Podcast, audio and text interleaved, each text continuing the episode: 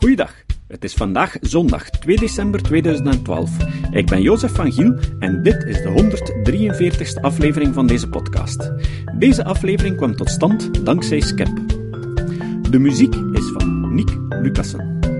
In november en december 2012 organiseert de vereniging SCEP in Gent samen met de humanistische vrijzinnige beweging vijf discussieavonden onder de noemer Het Denkgelach. Een link naar de Facebookpagina en het programma vinden jullie in de notitiepagina. Vandaag horen jullie het derde en laatste deel van het denkgelach over leven zonder God. We gaan even kijken naar een filmpje waarin de paus iets heel belangrijks zegt. Hij kon niet aanwezig zijn, we hebben het dus moeten opnemen.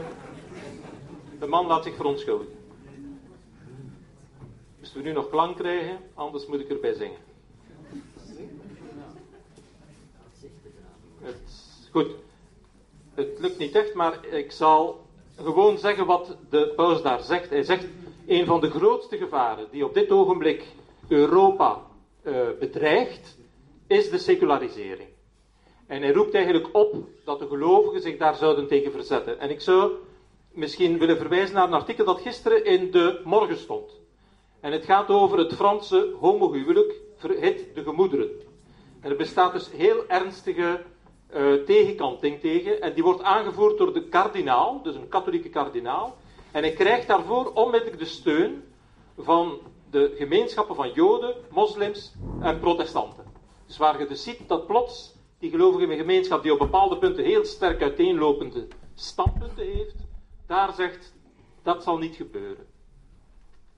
Misschien als ik Alicia daar even mag uh, over vragen. Oh, ja, uh, dat Want we, zo komen we terug tot het punt, heeft religie te veel of te weinig impact op de Wel, samenleving? Eerst om, om te zeggen dat de paus dat zegt, moet ons niet verbazen. Ik bedoel, zo, ik zou verbaasd zijn, moest morgen uh, de paus aan zijn venster komen en zeggen, poep erop los. Dan ga ik verbaasd zijn. Maar als hij een uitspraak doet van, leeft volgens de leer uh, die wij al jarenlang uh, uitdragen, dan, is dat, ja, dan verbaast mij dat niet. Ik ga daar niet, niet mee akkoord, maar dat zijn geen chockerende uitspraken. Um, en dat ze bezorgd zijn om de secularisatie, dat verbaast mij niet. Er is ook een grote secularisatie. Natuurlijk, dat is niet mijn zorg, of ik deel de zorgen daarvoor niet. En natuurlijk het, uh, het homohuwelijk of, of is natuurlijk altijd een heikelpunt geweest voor het christendom, zal ik nu zeggen. En natuurlijk, we leven nu in een, uh, in een samenleving met gelovigen, ongelovigen, met christenen en joden en enzovoort. Dus dat die discussie gevoerd wordt tot in de krant, is, is uh, niet zo raar. Maar we moeten ook kijken hoe dat het is. Bijvoorbeeld, neem nu Vlaanderen, uh, homoseksualiteit is aanvaard en mensen kunnen trouwen. Met andere woorden, denk ik dat de invloed van de kerk helemaal nu niet allee, floreert. Ik bedoel, het is nog altijd uh, andere waarden die nu centraal staan en, en, en, die we uitdragen als samenleving. Maar, allee, Wat is uw dus... antwoord dan op de vraag? projecteer nog even de vraag, Maarten? Ah, Maarten is verdwenen. Ah ja, dus is religie dus te veel, genoeg of te weinig? Maar waarom zeg je, het is zo te veel, genoeg of te weinig? Ik denk dat we kunnen zeggen de te kunnen weglaten. Ik denk dat er weinig invloed is, zelfs structureel, dat de, dat de kerk nog op de tafel kan kloppen en dat we maar moeten volgen. Dat gebeurt. Allee, die hebben die macht gewoon niet meer. Er is weinig invloed. Wat ik wel denk, wat ik wel denk, is dat veel mensen van thuis uit, of zelf door, een, door, door misschien voor hun familie of door de druk of andere, wel nog een invloed voelen op zichzelf. En denken van, ga ik zal maar trouwen voor de kerk, want ik moet mensen, ik weet niet, plezier doen en dat ze zelf een, een, een invloed ervaren. Maar het is niet de samenleving die hun verplicht nu nog bijvoorbeeld voor de kerk te trouwen. Maar mag ik even, ik uh, ben moderator natuurlijk, maar even toch advocaat van de duivel. Uh, we hebben natuurlijk allemaal de Mohammed-cartoons gehad.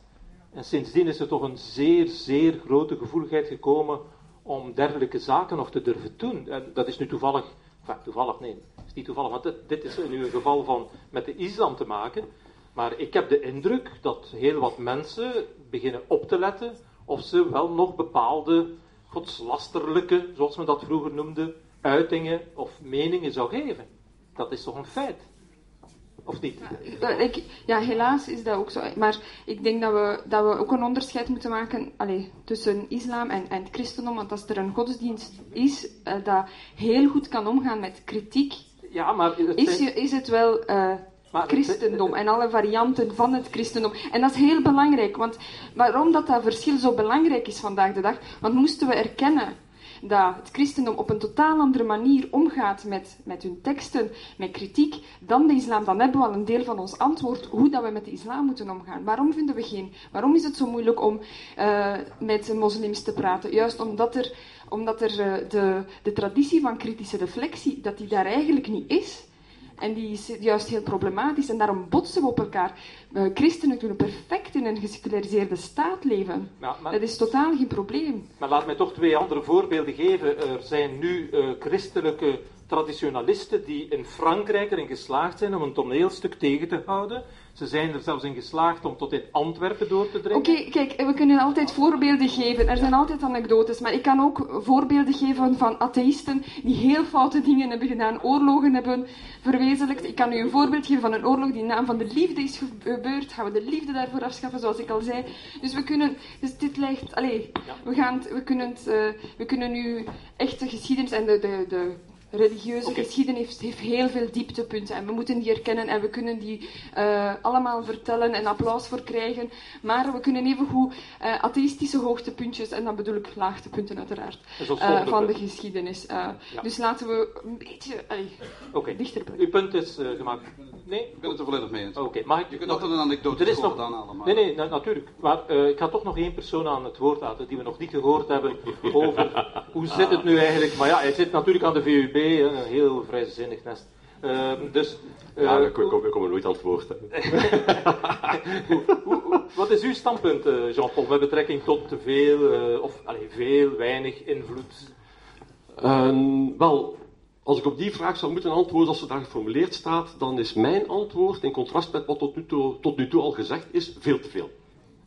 Dat is voor mij duidelijk. Eh, en ik denk dat tot nu toe is er vooral het accent gelegd geweest, terecht, want die dimensie is er, hè, op de zichtbare aspecten. Met andere woorden, hoeveel eh, pastoors zien we nog rondlopen in het dagelijkse straatbeeld enzovoort. Effectief, eh, dat is op een teruggang van kan niet meer. Maar zonder nu reclame te maken voor mijn boek, maar kan niet anders. Eh, ik heb daar een punt proberen maken. Dat is namelijk, er zijn ook heel wat aspecten die niet of moeilijk zichtbaar zijn.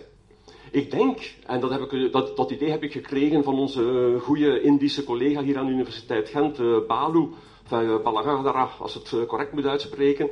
Die, dat is jaren geleden hoor, die zei: Jij atheïst, maar mensen toch, je bent een christen van kan niet meer. En van, eh, wat eh, bedoelt je? En dat was onder andere, eh, en dat is een punt dat ik nu ook verdedig, als je kijkt naar het mensbeeld dat je hebt. Ook al is deze maatschappij aan het seculariseren, en dat ben ik met jou eens, dat dat aan een gestadig tempo blijft doorgaan, we geraken van dat mensbeeld niet af. En als ik tot mijzelf persoonlijk betrek, en ik zie mijzelf nu niet als een anekdote, dan de strijd die ik heb moeten leveren met mijzelf om mijn lichaam te kunnen aanvaarden. Om een, om een relatief probleemloze verhouding te hebben tot mijn lichaam, die ik nog altijd niet heb. Dat is voor eeuwig verknoeid. Maar jij komt ook uit een heel rare vorm van protestantisme, als ik jouw boek goed gelezen heb. Ik denk niet zo. Bijvoorbeeld bij ons was dat niet zo hoor. Ja, ja, Bij, ja, bij on- bij ons werd seksualiteit als iets volkomen gezonds en normaal. dat is hervormde kerk. uitspraak bij ons, in, zelfs in de kerk van mijn vader, was: Eros is een hooggeplaatste engel. Nu jij weer. Maar dat is hervormde kerk. Eh, Nu, nu, nu moeten we een opletten, want er zijn dus zeer vele, er zijn vele eh, Maar bedoel- vormen van Ja, protestantisme ja. natuurlijk. Maar ik bedoel dus dat, eh, dat, dat de mensbeeld is er nog altijd. Ja. En dat vertaalt zich bijvoorbeeld in die houding tegenover het homohuwelijk. Dat men dat nog altijd niet kan... Hè, het zien van, van twee mannen of twee vrouwen die elkaars hand vasthouden en over straat lopen, is iets dat nog altijd iets, iets opwekt. Nochtans een En mooie uitspraak van Obama tijdens zijn eh overwinningsspeech, Ah. waarin hij op het einde zei, hè, dus hij zei van blank of Ja. zwart of rijk of arm Ja. of eh, Hispanic of wat dan ook, en dan zei hij op het einde gay of straight. Iedereen moet de Precies. kans hebben om zich te Ja. ontwikkelen. Dat is toch een, een geweldige, een onvoorstelbare stap vooruit. In een land als Amerika dat zo door Ma- mag, ik, mag ik één anekdotische opmerking hier maken? Mijn, de peetvader van mijn dochter, dus bij haar doop, is een bij ons in de kerk getrouwde homoseksueel. Ja. 3% verschil en we gingen 30 jaar terug, hè? 3% verschil, hè?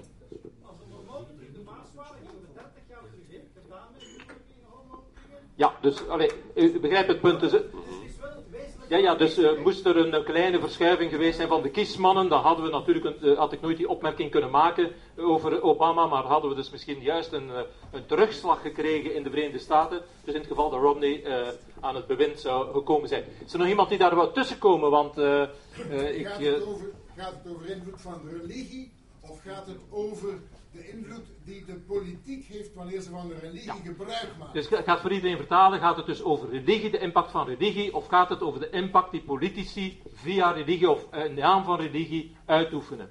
Is die te groot, is die te klein?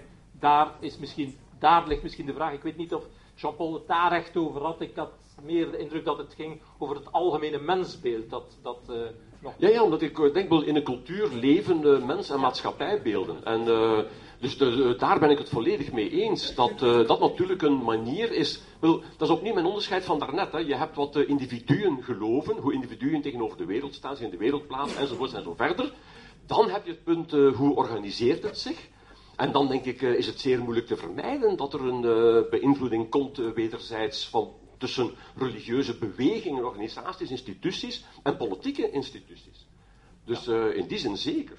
Is er iemand eigenlijk hier aan, uh, van, van, de mensen aanwezig, van de sprekers sorry, aanwezig, die pleit voor het uh, Frans systeem van de laïcité, om dat bijvoorbeeld in te voeren, zodanig dat de uh, religie via die politiek minder macht zou kunnen hebben?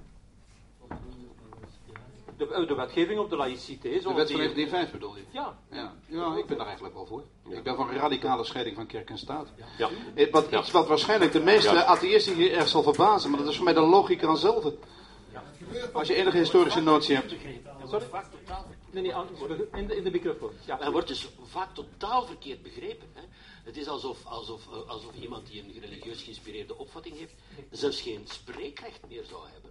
En dat is natuurlijk niet wat scheiding van kerk en staat bedoelt. Scheiding van kerk en staat is, is een juridisch uh, punt waarbij. Uh, is een juridisch uh, punt waarbij uh, men zegt van kijk, uh, het zijn niet de pastoors of de bisschoppen die de politieke leiders benoemen en omgekeerd. Ja, maar dat was de discussie niet dat we aan het leiden waren. Dat, de, dat nee, er maar een, dat heeft meneer wel een, ingebracht. Hè? Dus, ah, wel, maar dat er een scheiding is van kerk en staat, dan zijn we het over eens. En als we ze spreken, ik denk dat niemand hier ja, je... om dat niet te, niet te willen. Het is heel belangrijk dat we blijven herhalen. Als ja. je nu ziet dat er in Brussel twee verkozenen zijn van een islampartij die de sharia willen invoeren en dat openlijk verklaren, kun je niet waakzaam genoeg zijn. Ah, Oké, okay, dat is waar.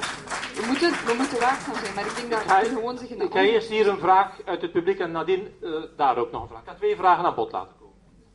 Ik ben uh, eerlijk gezegd een klein beetje verbaasd dat uh, die invloed geminimaliseerd wordt die de CD&V zou hebben op de toepassing van euthanasie, etc. en ook abortus, laten we dat ook niet vergeten. Ik vind dat je daar een beetje te snel over gaat, Patrick, wanneer dat je zegt van kijk de CD&V is daarin geëvolueerd. Het is heel gemakkelijk voor een CD&V-politicus om gematigd over te komen, de publieke opinie kennende, maar ondertussen aan de touwtjes te trekken in de meeste ziekenhuizen van Vlaanderen, die Caritas ziekenhuizen zijn, waardoor dat de wetgeving niet toegepast wordt. En ik begrijp niet goed dat jullie als, als, als eminente denkers, want dat zijn jullie voor mij alle vijf, dat jullie daaruit concluderen dat er een dat er eigenlijk weinig, uiteraard in een historisch voilà. perspectief is, is dat weinig. Ja, maar ja, maar Patrick, allez, weinig, weinig en niet weinig. Hoe lang is er niet geijverd voor wetgeving die rekening houdt met hoe de samenleving denkt, hoe ze zich voelt? En de, de, niet, de manifeste niet-toepassing van wetgeving, dat vind ik niet weinig, zelfs invloed, eerlijk gezegd. Maar dat is natuurlijk hoe dat je het ook bekijkt, maar je mocht dat toch niet verwaarlozen en zeggen dat dat weinig is. Wil ik eerst een andere vraag nog aan bod laten komen? Uh, sorry, uh, meneer, u was het. Eerst en vooral zou ik willen vragen aan meneer Barnard. Uh, als u fier bent op het feit dat u uw zoon manipuleert en dat u de geest van uw zoon manipuleert. Vergiftigd is het woord. Ja, ja, vergiftigd. Nee, ik geef mijn zoon een traditie mee. Hij doet ermee wat u wil en ik ga ja, er niet over debatteren ja, als mijn zoon. Maar, maar, u wacht niet totdat hij volwassen is. U, u manipuleert hem al van kleins af aan. Oké. Okay. En een tweede punt zou ik willen vragen. Uh, de historische visie van al deze uh, panelleden die daar de religie uh, min of meer verdedigen. In onze geschiedenis van de mensheid zijn er ongeveer 3000 goden geweest. geweest. Romeinse goden, Griekse goden, Egyptische goden. Mijn punt is waarom dat de meeste van de panelleden nog altijd met die christelijke God gefascineerd en geobsedeerd zitten. Goed, maar die, vraag gaan we uh, straks ook nog aan bod kunnen laten komen. Ik stel voor, uh, straks gaan jullie nog meer aan bod kunnen komen, maar dat we overgaan naar het derde uh, element. En dat is natuurlijk, is het, aangezien we in het begin de vraag hebben gesteld, wat denken jullie, hè, dus gelovige, agnost of atheïst, waren er heel wat mensen die zeiden, ik ben atheïst. Maar nu is de vraag, is het atheïsme vandaag te braaf is het strijdbaar genoeg of is het te strijdbaar? Uh, we gaan eerst een uh, paar filmpjes of een paar foto's laten zien. Bijvoorbeeld, sommige mensen storen zich aan dergelijke acties. Dat is een actie die gevoerd is in Engeland op bussen, maar ze is ook gevoerd door uh, Floris van den Berg in Nederland. Met als slogan: Er, bestaat waarschijnlijk geen God. geniet van het leven. Ehm, dat is dan nog een andere, dat is meer een, een joke die daartussen zit. Maar pak maar de volgende. volgende uh, bijvoorbeeld, uh, natuurlijk, als men echt gelooft in het uh, vliegend spaghetti monster, ik ben zo iemand, dan zou men eventueel in de Sixtijnse kapel zoiets kunnen gehad hebben. Ehm, trouwens, het is ook niet volledig onlogisch, want ehm, men zou kunnen zeggen, ja, als je daarin gelooft, waarom gelooft je dus niet in iets anders? Misschien nog een derde, of gaan we nu komen, ja, tot de uitslag. Wat is de uitslag? Ja, misschien even stopzetten. Ik ga het even inleiden en dan gaan we overgaan naar uh, het panel. Ik moet ook nog de uitslag geven natuurlijk. Is het atheïsme te braaf, voldoende strijdbaar of te strijdbaar? Eigenlijk is een soortgelijke vraag gesteld aan Richard Dawkins. Nu, het is niet het echte beeld, dat ziet u al. Hè? Het is niet echt, het is een getekende. Nou, dat hebt u al allemaal wel al gezien. Maar het is gebaseerd met een tekening op een echt optreden van Richard Dawkins, die op een bepaald ogenblik een vraag krijgt uit het publiek. Hij had nogal wat uh, religiekritiek uh, gespuit. En op een bepaald ogenblik krijgt hij de vraag: maar wat indien u fout bent? En dit is het antwoord. Okay, my last question. This is probably going to be the most simplest one for you to answer, but what if you're wrong? Well, what if I'm wrong? I mean, anybody could be wrong. We could all be wrong about the flying spaghetti monster and the pink unicorn and the flying teapot. Um, you happen to have been brought up, I would presume, in the Christian faith. You know what it's like not to believe in a particular faith because you're not a Muslim, you're not a Hindu. Why aren't you a Hindu? Because you happen to have been brought up in America, not in India. If you've been brought up in, Hindu, in India, you'd be a Hindu. If you were brought up in, in um, Denmark in the time of the Vikings, you'd be believing in Wotan and Thor. If you were brought up in, in classical Greece, you'd be believing in, in Zeus.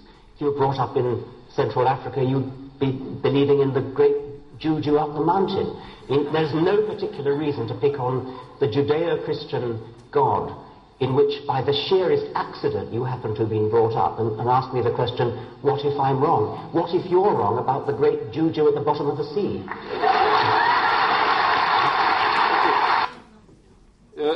Hebt dan natuurlijk onmiddellijk de boodschap begrepen. De boodschap is, uh, uh, ja, als je dus in de ene God gelooft, ja, dan eigenlijk uh, je een, een, soort atheïst ten opzichte van al die anderen.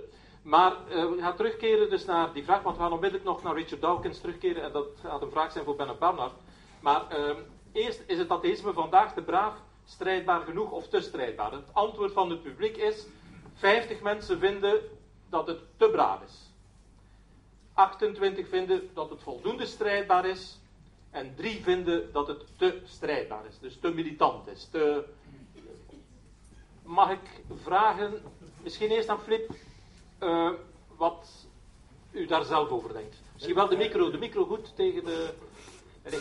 Ja, uh, ja oké. Um, dus het, het, wat, wat zou dat betekenen, strijdbaar zijn als atheïst?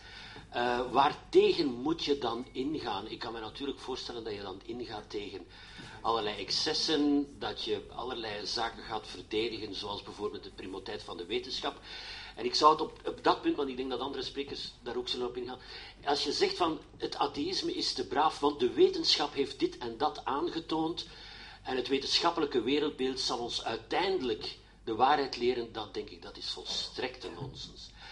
Um, ik, ik, ik, ik, had een citaatje, ik wist niet ik ga toch eens uh, rondkijken. Het is toevallig van Richard Dawkins, hè, waarin hij dus een, een, zeer strijdbaar atheïsme verdedigt. En hij zegt iets wat volgens mij volstrekt van een totaal onbegrip voor de condition humaine.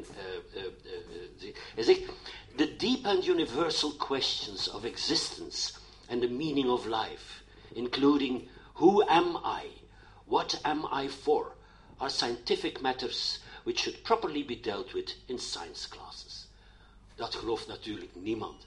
Ik denk dat, om op die vraag concreet te antwoorden, dat als atheïsme niet genoeg strijdbaar is, omdat de wetenschap nog niet genoeg invloed heeft, ik denk dat dat een totale misvatting is. Ik denk dat, er, dat wetenschap kennis kan vernietigen. Dat is een zeer controversieel standpunt. Dat wetenschap kennis kan vernietigen. Kun je dat nog heel kort uitleggen? Wel, inderdaad, dus, eh, dat is een standpunt dat tegen Socrates ingaat. Namelijk, Socrates zegt van kennis uh, leidt tot... Wetenschap kan soms, en dat heeft te maken met mijn punt dat ik ja, helemaal aan het begin maakte, namelijk dat je niet voor de manifeste dimensie van het leven uh, aandacht, aandacht, geen aandacht meer hebt. En nog, nog nogmaals, ik heb dus in het begin gezegd, uiteraard, God bestaat niet, uh, dat is daar geen enkel probleem. Maar daaruit volgt niet uh, dat de wetenschap het laatste woord heeft. Jean-Paul van Bendegem, de wetenschapsman. Oh ja, nee, maar ik ben het wat dat betreft met Philippe eens. maar tegelijkertijd, en dat is dan een ander klassiek filosofisch thema, kan kennis troosten? Dan is mijn antwoord ja zeker. En ik geef één, ik onnozel voorbeeld. als je nu, oké, okay, als je nu s'avonds buiten staat, heldere hemel, je kijkt naar boven, je ziet daar de sterren enzovoort, uh, dan denk je, wauw, dat is zo gigantisch groot. Ik ben niets in vergelijking met dat. En dan leest je Martin Rees, uh, zijn boek Six Numbers. En dan legt hij uit, kijk, had nu het universum geen expansie gekend op die schaal, dan was er nooit kool, koolstof gevormd.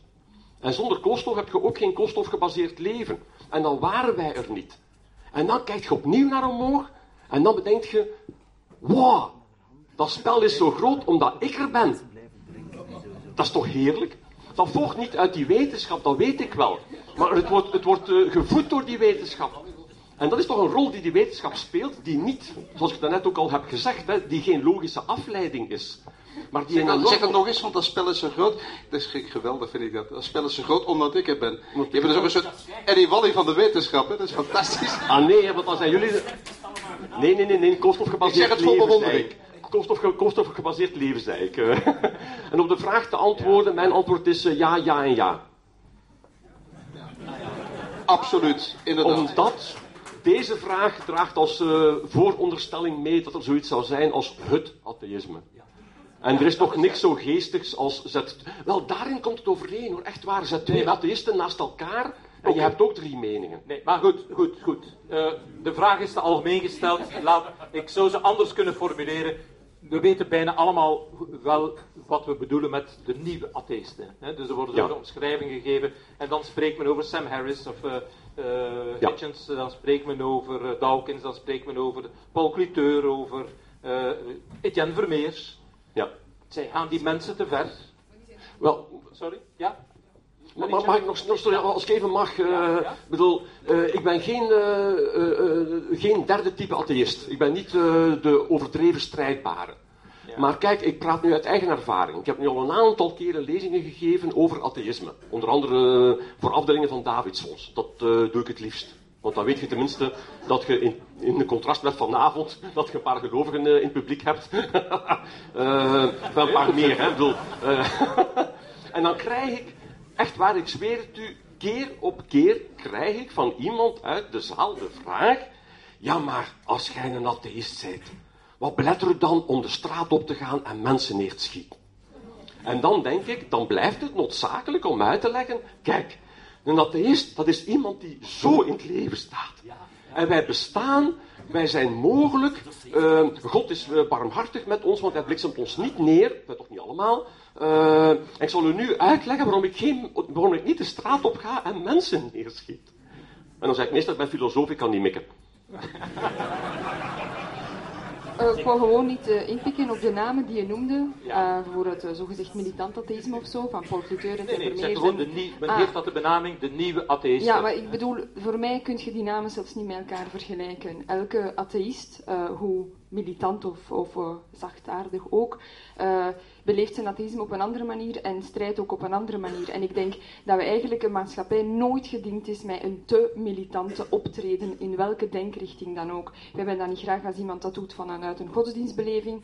Wij geven heel veel kritiek terecht op uh, militante islam. En we zouden ook op militant atheïsme kritiek kunnen geven, want dat is helemaal niet wenselijk dat mensen uh, met toeters en bellen, zal ik nu zeggen, op straat komen en zeggen hoe dat ik denk, ik heb het licht gezien, volg mij. Want zo is het. Want uit zoiets volgt geen ware verlichting, dat je mensen echt doet begrijpen waar het om gaat. En ik denk uh, dat daar niemand ten goede van komt. En dan gaan we meer en meer in hokjes beginnen denken. En bijvoorbeeld uh, het voorbeeld dat Jean-Paul gaf van uh, iemand die katholiek is, vraagt van, oh ja, kun je dat wel nog goed doen als atheïst? Dat, dat komt eigenlijk het hokjesdenken voor. Uh, dus om dat juist tegen te gaan, dat mensen kunnen inzien dat je zowel als gelovige als ongelovige een zachtaardig en goed mens kan zijn. Dat vind ik waar wij op moeten inzetten. Dat, en dan gaan we kunnen samenleven met elkaar. En dat is wat we moeten doen. We moeten samenleven met elkaar. Wij gaan nooit het probleem oplossen van uh, God uit te bannen of, uh, of God in het leven voor iedereen te roepen. Dat gaat gewoon nooit gebeuren. Maar we moeten wel samenleven met elkaar. En dat is, denk ik. En zo, en zo hebben jongeren, zo hebben 80% van de jongeren weten niet wat atheïsme wil zeggen. Dus als wij bij onze ik weet niet van. Wacht, wacht, wacht, Rudy, gewoon. Maar ik vind dat gevaarlijk om zo met 80% te smijten. Ik weet niet op welk onderzoek dat je je baseert. Ik ken geen 80% mensen die niet weten wat dat atheïsme is. We moeten daar wel voorzichtig mee zijn, want dat brengt weer een, een grote ja, hokjesdenken met zich mee. Ik wil daar gewoon echt gewoon voorzichtig mee zijn. Ik ga onmiddellijk het woord aan u geven, maar eerst hier nog een, een vraag uit het uh, publiek. Ja, goed, het, is geen, het is geen vraag, het is een opmerking. Uh, militant atheïsme heeft het toch heeft toch kunnen bereiken dat abortus aanvaard is geworden, dat euthanasie erdoor gekomen is, dat homohuwelijk erdoor gekomen is. Zonder dat militant atheïsme was dat niet gebeurd. Maar,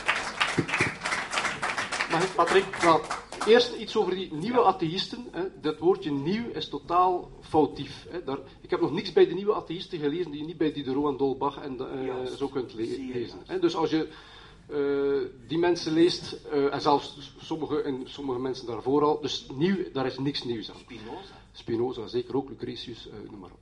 Um, maar ik vind het wel goed dat mensen, als zij overtuigd atheïsten, dat zij dat ook blijven beargumenteren, waarom ze dat zijn en, en wat daar eventueel de meerwaarde van is enzovoort.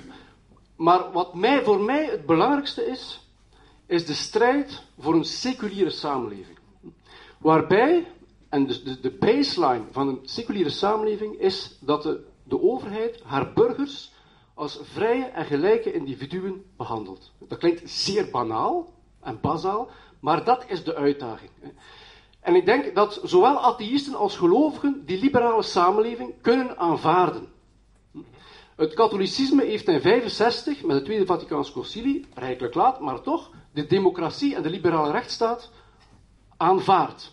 Vandaar dat ik ook zou zeggen, als de kerk eerlijk is met zichzelf, dan mag zij binnen haar eigen geledingen oproepen om te zeggen, homofilie is intrinsiek, is intrinsiek slecht. Ze zeggen niet homo's zijn slecht, ze zeggen homofiele daden. Als je het doet, hè, dan is een intrinsiek slechte daad. Hè. Wij, willen ook niet, wij zijn ook tegen het homohuwelijk. Ze hebben het recht om dat te zeggen. Ze hebben ook het recht om te zeggen van, kijk, als jij homo bent, Trouwens, ze omarmen de homo's openlijk. De katholieke kerk, de meeste priesters zijn homo. Niet de meeste, maar heel veel priesters zijn homo. Hè. Maar, die mogen, als, maar ze kunnen zeggen, als je echt katholiek wil zijn, dan mag je niet trouwen. Hè. Dan mag je als homo niet trouwen. Hè. Maar priester of zo, maar je mag niet trouwen. Hè. Wat men niet mag doen, als men de liberale rechtsstaat aanvaardt, dat is een wet tegenwerken die mensen als vrij en gelijke individuen behandelt, namelijk een wet die het homohuwelijk mogelijk maakt. En daar zou de césuur moeten liggen. En daar zou het verstand moeten zitten van die kardinaal.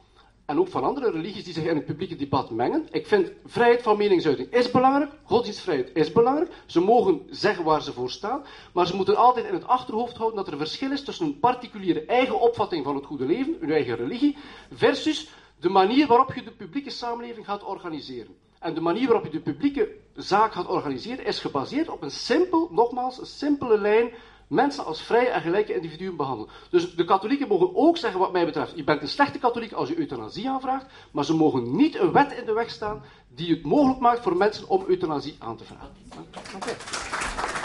Dus ik vraag, Dicht bij Filip. Ja, uh, ze mogen geen wet... Als er een meerderheid is voor die wet, is dat toch voldoende? Een liberale rechtsstaat is niet gebaseerd op het principe van de meerderheid alleen. Een liberale rechtsstaat is gebaseerd op grondrechten die de mensen, nogmaals, respecteert en aanvaardt en behandelt als vrije en gelijke individuen. Als er een meerderheid is voor racisme, dan zou dat er, mag dat er democratisch, vanuit een inhoudelijk perspectief, vandaar dat de grondwet zo belangrijk is en men meer dan twee derde moet, uh, omdat er daar grondrechten in staan die niet zomaar overroeld mogen worden door een meerderheid. En een, een liberale rechtsstaat is gebaseerd niet alleen op procedure en op meerderheidsbeslissingen en op stemming, maar op een inhoudelijk punt, en dat wordt, en dat vind ik zo in het middelbaar onderwijs, in de hoofden gestampt moeten worden, maar dat komt niet aan bod. Mensen moeten als vrije en gelijke individuen behandeld worden. Hè. Homo's moeten dus als vrije en gelijke individuen behandeld worden, ook in Brussel. Hè. Alicia.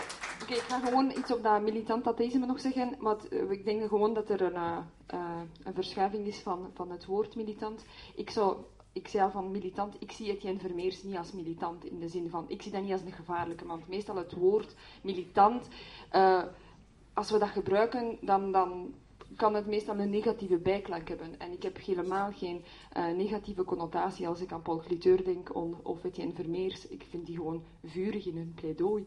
Uh, maar dat is nog iets anders. Dus ik heb helemaal geen probleem met mensen die heel hard optreden en heel hard debatteren uh, om bijvoorbeeld uh, pro-abortus te zijn.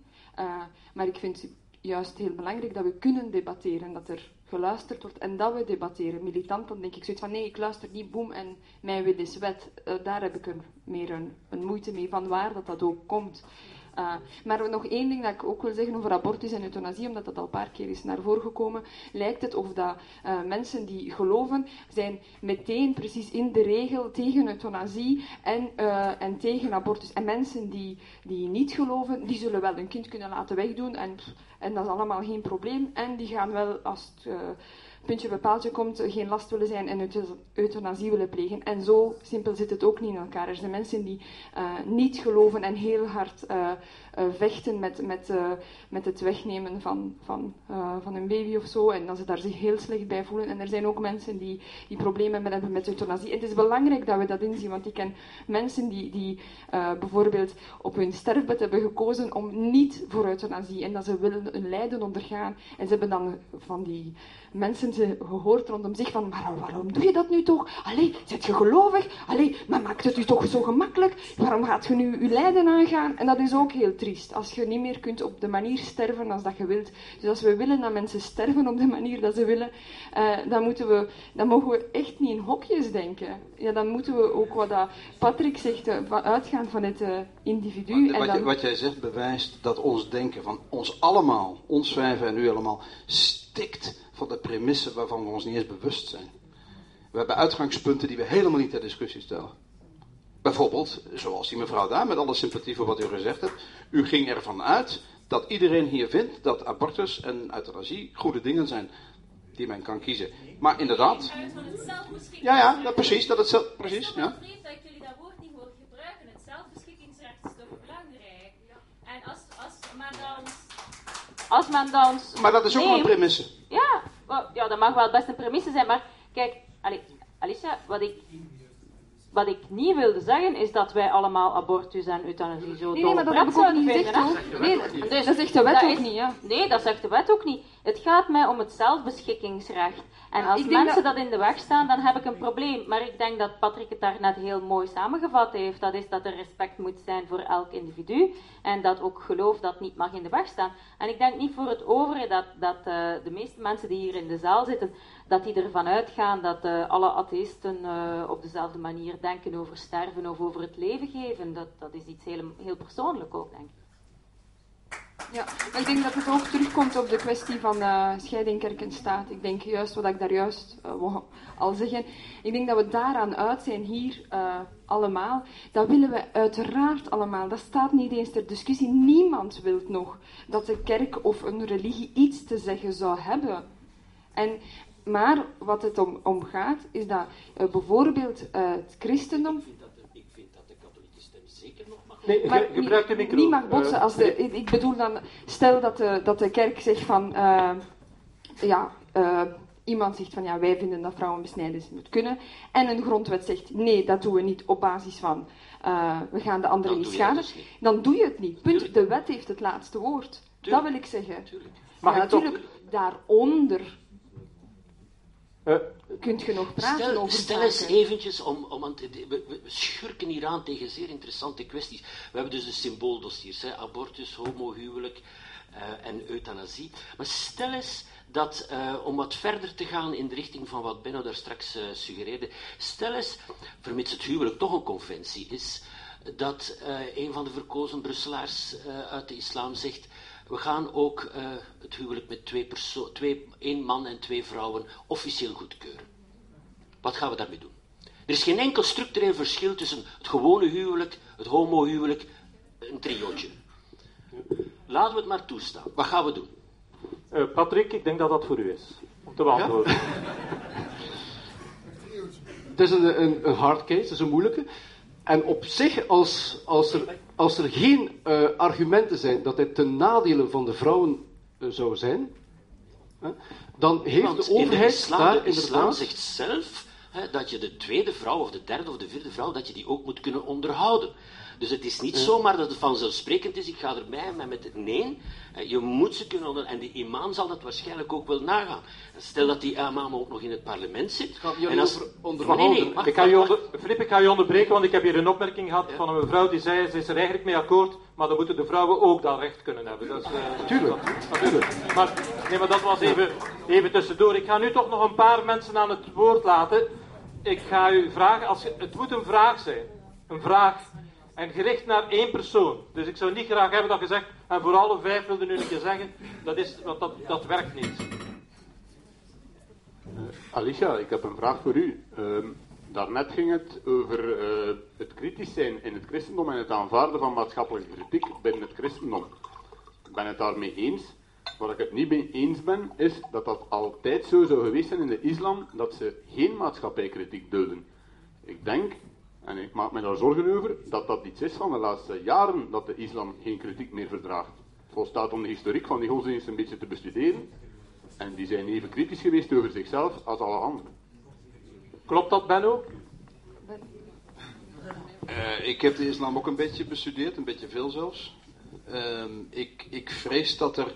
Er wordt vaak gesproken over de islamitische eh, perioden van bloei hè, en eh, Al-Andalus enzovoort. Alles wat ik erover gelezen heb aan de recentste historische, recent historisch materiaal wijst op, ehm, op een, een behoorlijke vorm van onderdrukking van de, de niet-moslims hoor. Dus eh, ik zou daar niet zo. eh, ik, ben- ik, ben daar, ik ben daar erg pessimistisch in. Mag ik daar iets over zeggen? Of het was ik al... Ja, Patrick? Nee, nee. Ja? Wel, ik denk als je het historisch bekijkt, dat de katholieke kerk in die periode veel intoleranter was dan de islam. Dus de islam heeft zowel in Andal- Al-Andalus als in het Ottomaanse Rijk getoond dat zij tolerant was ten aanzien van andere boekgodsdiensten. Terwijl wij in West-Europa lange tijd hebben vastgehouden, tot na de Vrede van Westfalen, aan één rijk, één godsdienst. En we hebben de moslims en de joden. Ja, daar ben ik volledig met je eens. Maar dat was geen liberale rechtsstaat natuurlijk Al- Al- Andalus. Maar natuurlijk niet. de vraag is natuurlijk waarom de islam versteend is geraakt. En overigens, het was wel een demitude, hè? het waren wel onderworpenen die Ja, mensen aan de Maar evenveel goed, rechten, maar het is wel getolereerd, Er zijn perioden in onze geschiedenis geweest die veel gruwelijker waren, dat ben ik helemaal met je eens. Maar de vraag is natuurlijk, de, de intellectuele vraag is, hoe komt het dat uit de joods-christelijke traditie de liberale rechtsstraat is tevoorschijn gekomen? Dat is de vraag. Scruton zegt erover, omdat hij erin vervat zat. Eh, eh, de- keizer wat des keizers is en God wat van God is. Er is inderdaad Als- meer scheiding tussen kerk en staat mogelijk binnen het christendom. Ik denk dat de interpretatie van teksten, zo- die, zoals die in het jodendom eh, belangrijk is geweest, maar ook met die in het christendom is ingebakken. De openbaring in het christendom is Jezus Christus. En de teksten zijn slechts over Jezus Christus. En we spreken ook over het evangelie volgens Matthäus, volgens Lucas. Dus het zijn meteen menselijke interpretaties van die openbaring. En dat is een totaal andere openbaringsgeschiedenis dan de islam. Waar de islam toch in, in haar standaard betekenis, de Koran, het woord van God, ziet hè, als de openbaring. En God sprak Arabisch, hè, dus God eh, heeft zijn woord eh, doen nederdalen. Je mag dat niet interpreteren, je mag dat niet vertalen. Hè, en daar zit een belangrijk probleem. Die de rem op vrijdenken en interpretatie. Ja, oké, ik, ga, ik ga eh, even onderbreken. Nee, Filip, sorry, ik ga even onderbreken. Ik heb hier een andere vraag van een meneer gericht aan een van de panelleden. Ik zou graag aan professor Jean-Paul, ik zou graag aan professor Jean-Paul een vraag stellen, omdat ik vind dat vandaag hier een moderne gedachte, waar we in de toekomst veel zullen mee te doen hebben, niet naar boven gekomen is. En dat is dus de volgende vraag. God bestaat wel, hij is schepper van hemel en aarde en van het heelal, maar hij is transcendent en heeft zich nooit, maar nooit, nimmer op geen enkele manier geopenbaard. En hij zal zich ook tot op deze ogenblik kunnen we niet zeggen dat hij zich echt geopenbaard heeft. Dus deze gedachte vind ik die nu in de moderne literatuur en met moderne mensen langs dan meer naar voren komt. Dus het transcendent zijn van God. Dat je hem niet kunt voelen, niet kunt zien, niet kunt horen, maar dat hij wel bestaat. Wat is uw Wel, ik heb in wezen eh, geen enkel probleem met die opvatting. Want dat is inderdaad een God die niet meer tussenkomt. Dat- is eh, iemand die dat eh, niet helemaal heeft eh, geridiculiseerd, maar het echt wel meende is de Engelse auteur Julian Barnes. In Staring at the Sun, eh, behalve die transcendente God, heeft hij een aantal andere mogelijkheden. En bijvoorbeeld, er is een mogelijkheid waarvan ik eerlijk moet zijn, die, ik, die mij bijzonder genegen is. Namelijk, dit universum was de try-out. Dus God heeft dit geschapen, heeft dan gezien wat er allemaal mis aan is, en heeft dan ergens anders de goede versie gemaakt. En dus in die zin zijn wij ook door God verlaten, en eh, uiteraard is het een rommelhoop, en dat klopt, en moeten wij het zelf, eh, maar, onszelf maar zien te redden. Dat is in wezen niet zo verschillend van de, die transcendente God die u nu net komt te beschrijven. Dus nee, ik kan daar perfect mee leven. Alleen heb ik dan de neiging om te zeggen, dan, dan speelt die ook geen rol in mijn leven. Daar kun je niks over zeggen, inderdaad. En dus eh, kom ik altijd weer terug op eh, diegene die mij eh, in alles mijn toeverlaat is, namelijk mijn medemens. Oké. Hier een vraag aan eh, Patrick Loobuik.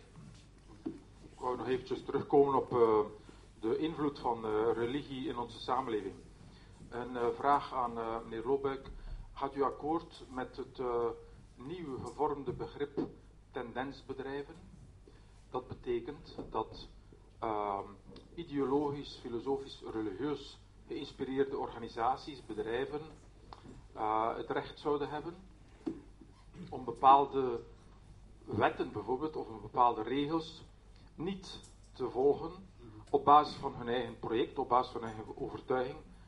Concreet, euthanasie, katholieke ziekenhuizen, die tien jaar wetgeving rond euthanasie berecht en gefundeerd op basis van ehm, deze nieuwe terminologie het recht zouden hebben om die, die wet aan hun laars te lappen. En dit wordt goedgekeurd door het centrum van onze aller Jozef de Witte op hun website. Ik denk niet dat de, dat de, dat de praktijk van, van ziekenhuizen om geen euthanasie toe te laten in een instelling goedgekeurd wordt door Jozef de Witte. Ehm, ik heb al gezegd, de ziekenhuizen, de ziekenhuizen die zijn wettelijk verplicht om euthanasie eh, toe te laten als daar vraag naar is. En de arts die heeft een geweten die hem vrijlaat of hij daarop ingaat of niet. En hij, er zou er moeten een doorverwijzingsplicht aan gekoppeld zijn, wat nog een beetje te zwak is in de huidige wetgeving, zodat die vraag naar euthanasie sowieso uh, uh, ingewilligd kan worden. Het, het, ziekenhuis heeft daar niks over te zeggen. Het ziekenhuis die dus oplegt aan haar artsen, hier wordt geen euthanasie ge, uh, gepleegd, gaat in tegen de wet en dat zou niet mogen kunnen. Dus daar ben ik absoluut tegen. Hè.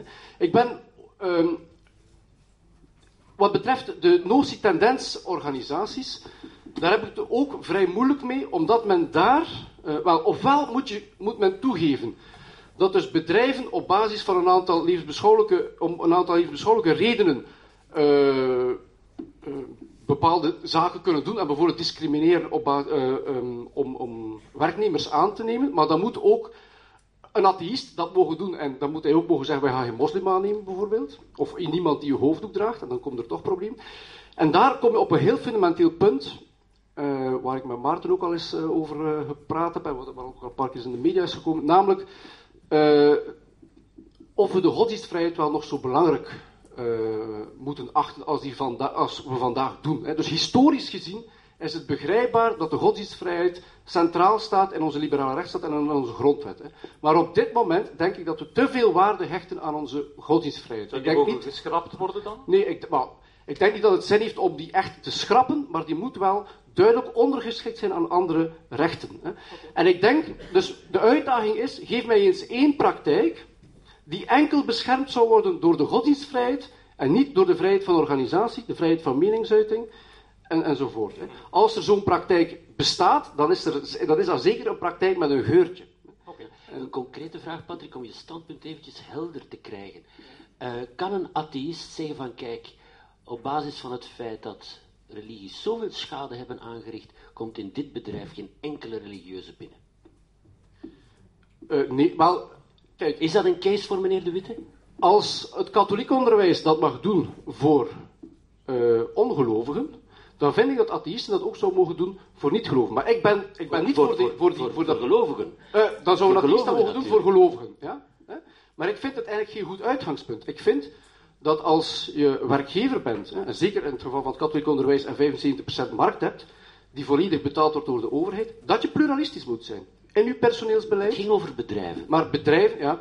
Wel, er zijn bedrijven die veroordeeld zijn omdat ze bepaalde religies, mensen met een bepaalde religie geweigerd hebben. Ja. Veroordeeld. Wat denk je? Ik denk toch dat dat moeilijk is hoor. Ik, ik vind, als ik zou solliciteren en iemand zei, sorry, ik neem geen christenen in dienst, om welke reden? Geen Anglikanen, laten we het daarop houden, dat is pikanter. Dan wil ik zeggen, ja, het is uw bedrijf.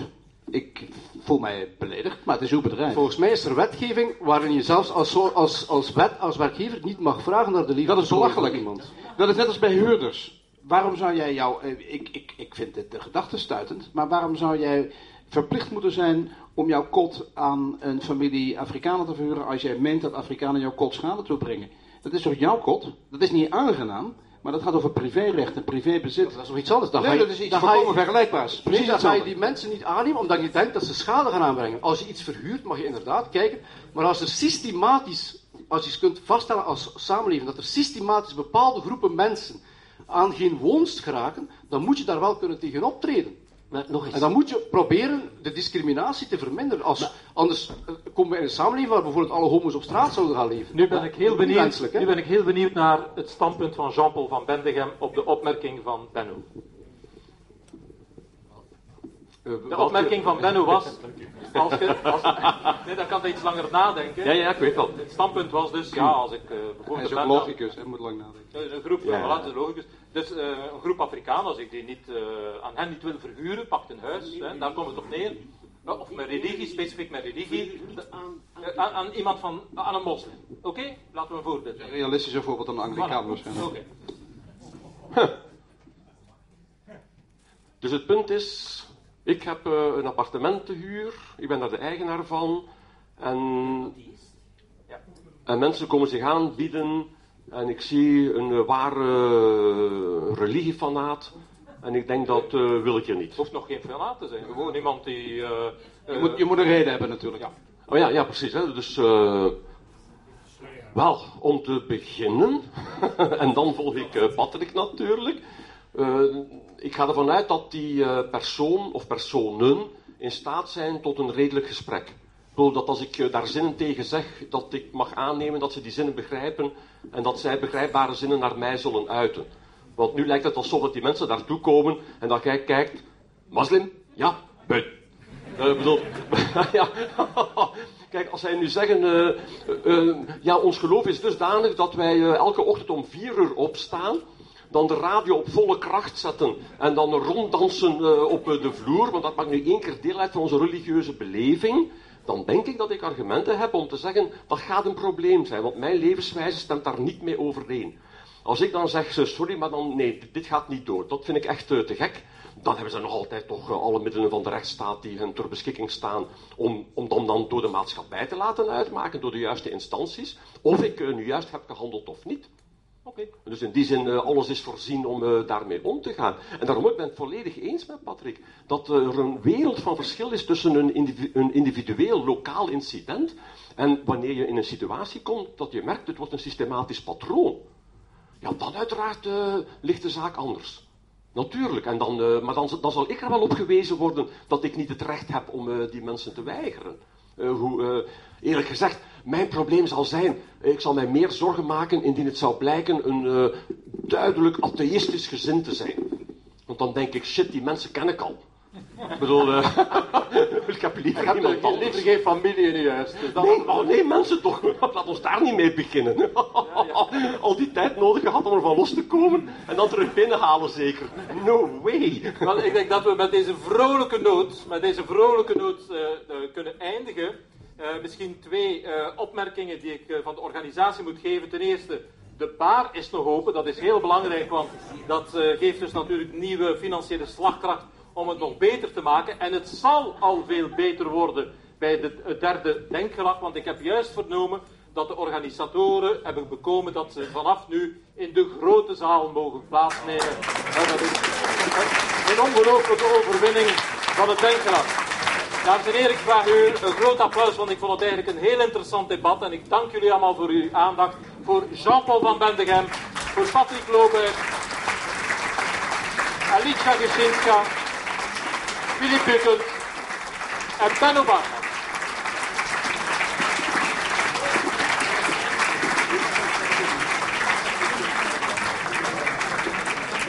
En tot de volgende keer. Kritisch Denken is opnieuw genomineerd voor de European Podcast Awards. Zoals jullie weten hebben we vorig jaar een eervolle tweede plaats gehaald. Het spreekt voor zich dat we dit jaar gaan voor de eerste plaats.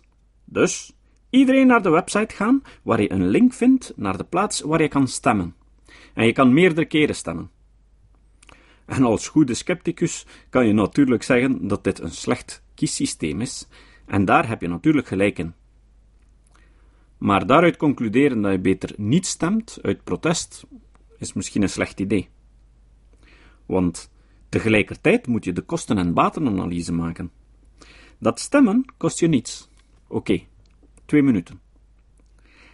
En als we door het slechte systeem niet verkozen raken, is er niets aan de hand.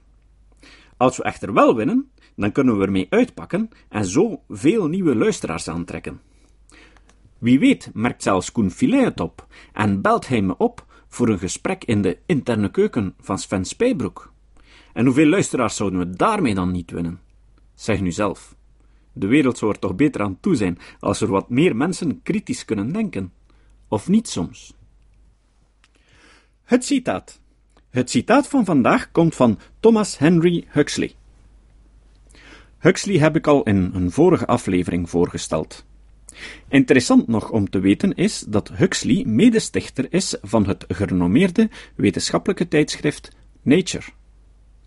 Huxley zei: Agnosticisme betekent eenvoudigweg dat iemand niet zal zeggen dat hij dingen weet of gelooft waarvoor hij geen basis heeft om er geloof aan te hechten.